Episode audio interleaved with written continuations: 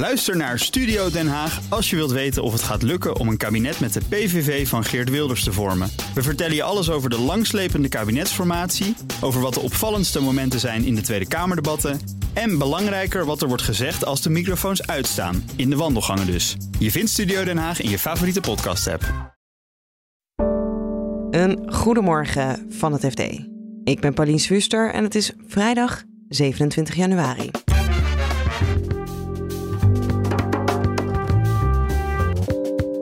Beleggers stuwen de koersen van luchtvaartmaatschappijen omhoog. Het beeld is wel heel duidelijk dat de reislust terug is. Goed nieuws voor luchtvaartmaatschappijen. Um, ja, de milieulast zal ook al toenemen. In Washington wordt gepraat over het exporteren van ASML-machines naar China. We snappen wat die Amerikanen willen en we denken een heel eind met ze mee. Nou, nu lijkt het erop dat er op korte termijn iets gaat komen. En maandag komt de nieuwe Philips Topman met jaarcijfers. Dit is de dagkoers van het FD. We beginnen bij ASML. De Veldhovense chipmachinemaker presenteerde woensdag klinkende cijfers. Maar men was vooral bezig met of er een bank komt op de export naar China. Deze geopolitieke strijd begon in oktober toen Biden zei: Wij willen geen geavanceerde chips die kant op. Op dit moment geldt die ban nog niet voor de machines van ASML, vertelt redacteur Sandra Olstorn. Wat de Amerikanen hebben afgesproken geldt gewoon voor Amerikaanse bedrijven en bedrijven die spullen hebben waar heel veel Amerikaanse spullen dan weer in zitten. Ja. Niet ASML. Maar wat de Amerikanen graag willen, is dat Nederland en Japan en Zuid-Korea en uh, Taiwan, want die maken ook dit soort spullen, chips en spullen om chips mee te maken, dat die het Amerikaanse voorbeeld volgen. Want het punt is natuurlijk dat die Amerikanen die willen dat bepaalde spullen niet naar China gaan, maar als ze die vervolgens gewoon ergens anders kunnen kopen, dan heeft zo'n Amerikaans exportrestricties hebben niet zo heel veel zin. Uh, en dat vinden die Amerikaanse bedrijven natuurlijk niet stof, want die lopen nu allemaal omzet mis, die vervolgens gewoon ergens anders wel verdiend wordt. Ja. Dus dat is waarom de Verenigde Staten zoveel druk legt op die andere landen om hun te volgen. Tot nu toe was wat wij als Nederland zeiden, wij willen dit graag zelf beslissen. Wat daarover is gecommuniceerd tot nu toe is, we maken in ieder geval onze eigen afweging. Maar er werd al wel een beetje tussen de regels duidelijk gemaakt van, hè, als Nederland, we snappen wat die Amerikanen willen en we denken een heel eind met ze mee. Nou, nu lijkt het erop dat er op korte termijn iets gaat komen. En we weten nog niet wat. Dus ik denk dat een belangrijke nuance is: het bericht is nu. Vrijdag wordt er weer gepraat door de Nederlandse door, uh, vertegenwoordiging van de Nederlandse overheid in Washington. De geruchten gaan. Er zou zomaar wat uit kunnen komen. Maar je moet je bedenken dat als er wat uitkomt, dat dat niet meteen betekent dat wij ook allemaal weten wat dit voor ASML gaat betekenen. Nou, dat heeft met twee dingen te maken. Dat is aan de ene kant dat er allicht wat uitkomt, wat betekent dat, of dat het allicht betekent dat Nederland ook zo'n vergunningstelsel gaat krijgen. Of dat ASML voortaan ook voor de machines waar het in deze gesprekken om gaat, ook langs de overheid moet eerst. Die machines die gaan nu nog gewoon naar China, maar het zou kunnen dat Nederland zegt, daarvoor moet je nu eerst een vergunning aanvragen.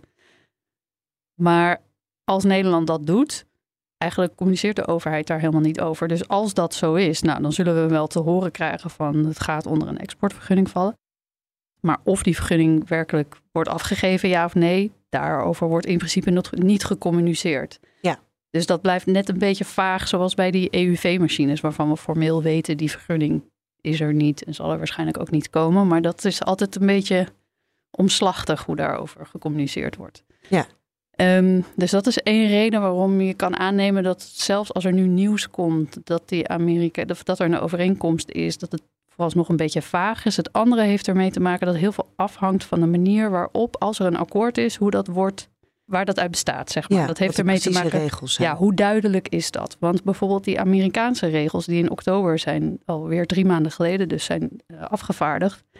Daarvan bestaat eigenlijk nog heel veel onduidelijkheid over hoe die, hoe die moeten worden toegepast. Heel veel chipbedrijven hebben eigenlijk geen idee wat ze wel en niet mogen. Nog steeds niet, na zoveel maanden. Nou, als Nederland net zoiets gaat doen als of uit deze afspraken net zoiets komt in de trant van die afspraken, dan is het niet zo waarschijnlijk dat meteen duidelijk is wat ASML wel en niet mag, naar wie voor wat voor toepassingen mag welke machine. Het zou makkelijker zijn als er iets uitkomt van die machine wel, die machine niet. Maar dat is dus de vraag of dat ook gaat gebeuren. Hoe, hoe is ASML onder deze onzekerheid? Cijfers over 2022, die waren echt heel goed. Dat sneeuwt natuurlijk helemaal onder in dit hele geopolitieke gedoe. Wat denk ik daar wel een beetje tot frustratie leidt. Want werkelijk alle vragen bij de persconferentie en later ook de analistencall ging gewoon heel erg hierover. Ja. Maar goed, naar de buitenwereld is het nog wel van, hè, het maakt ons in principe niks uit, want de vraag naar de machines is vooralsnog zo groot dat zelfs als een deel van de vraag hierdoor wegvalt, die altijd weer opgevangen zal worden. Op de lange termijn is het, maakt financieel niet zoveel impact. Nee, maar ik kan me wel voorstellen dat ASML inmiddels ook wel duidelijkheid wil. Ja, zeker. Maar goed, de vraag of ze dat gaan krijgen, groot vraagteken op korte termijn. En dan gaan we naar de luchtvaartsector. De financiële resultaten hebben we nog niet veel van gezien, maar beleggers zijn enthousiast en stuwen de koersen omhoog, ziet luchtvaartredacteur Jan Verbeek. De koersstijgingen van 30, 40 tot aan 55 procent. Dat hebben we niet vaak meegemaakt. Het is echt heel spectaculair.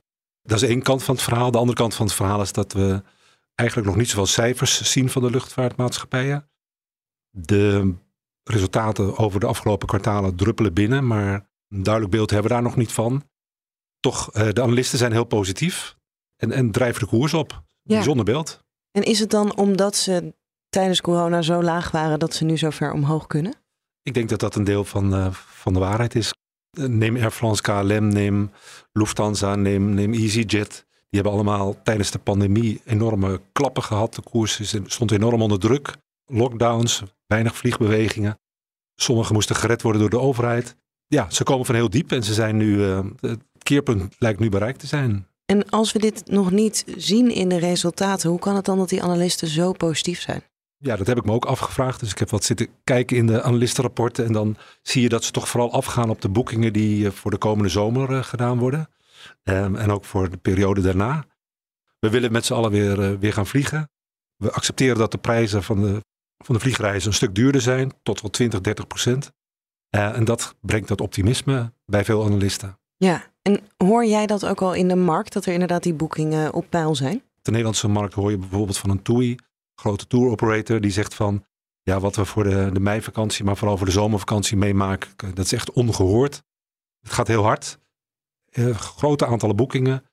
De tour operators en ook de luchtvaartmaatschappijen zijn daar natuurlijk ontzettend blij mee, want ze komen van heel diep, uh, ze komen van heel ver. Ja, en er zijn er ook uitschieters in die luchtvaartsector, waar de koers het hardst omhoog gaat. Ja, nou opvallend is dat, uh, dat EasyJet, zeker niet de grootste maatschappij binnen Europa, maar die heeft afgelopen maand een koersstijging laten zien van, hou je vast, 56 procent.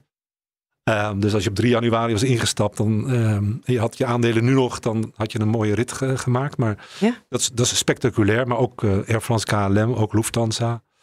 Ook uh, Ryanair, hè, qua passagiers de grootste in Europa. Die zitten allemaal op koersstijgingen vanaf begin dit jaar van 20, 25, 30 procent.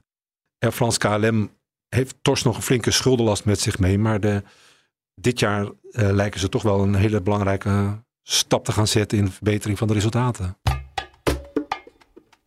En tot slot Philips. Maandag presenteert Roy Jacobs voor het eerst als topman de jaarcijfers.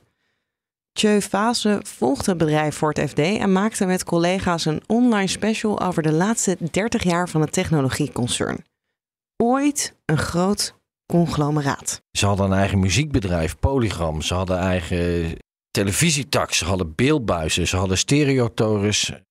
Ze maakten zelfs nog ijskasten. Ze zaten in chips, ze zaten in medische apparatuur en natuurlijk zaten ze ook in licht.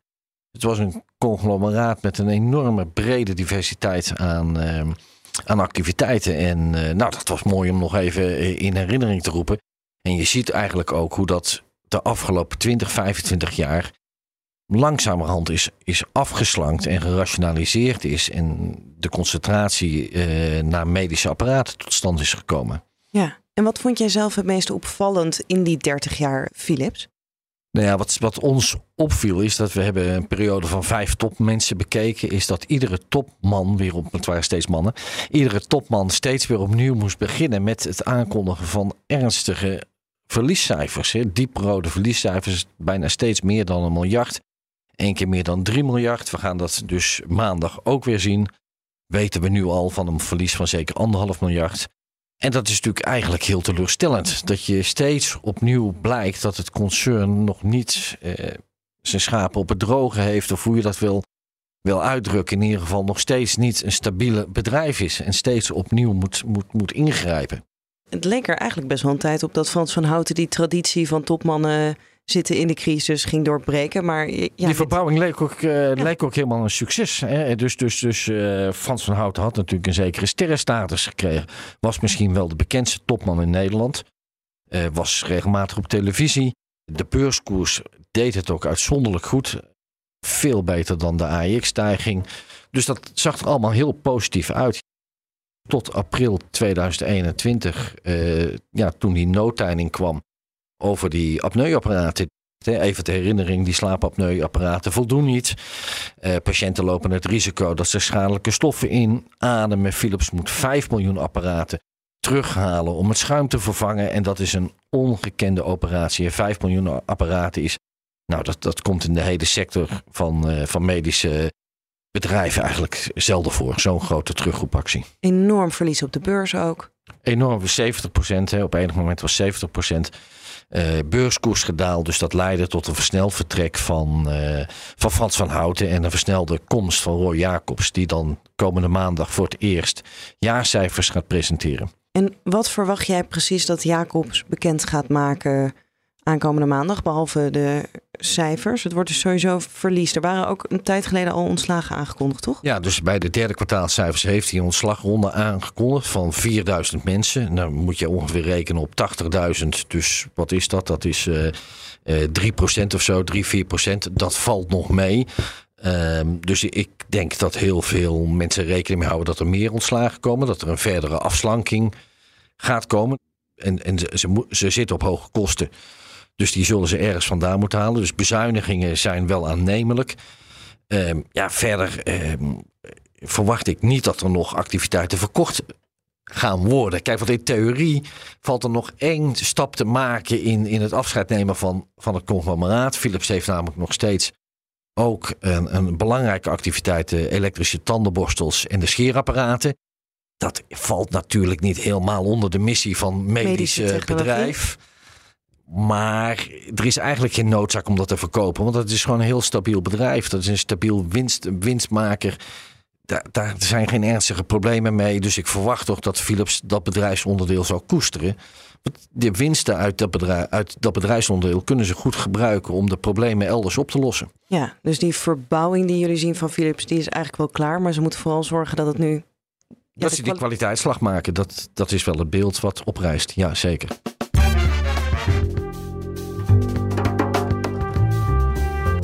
Dit was de dagkoers van het FD. Ga vooral even naar de show notes. Daar vind je het linkje naar de online special over Philips en ook de andere verhalen waar we het over hadden in deze podcast. Maandagochtend zijn we er weer met een nieuwe dagkoers. Als je abonneert, dan krijg je die automatisch binnen. En morgen krijg je hier ook de week voorbij binnen, onze weekendpodcast. Dan heeft Elfanie Toulaar het over de VVD. Alvast een heel fijn weekend en graag tot maandag. Ook Hugo Reitsma vind je in de BNR-app. Superhandig die BNR-app. Je kunt alle programma's live luisteren, breaking nieuwsmeldingen. Je blijft op de hoogte van het laatste zakelijke nieuws. En je vindt er alle BNR-podcasts, waaronder natuurlijk de belangrijkste, Boeken zijn in de wijk. Download nu de gratis BNR-app en blijf scherp.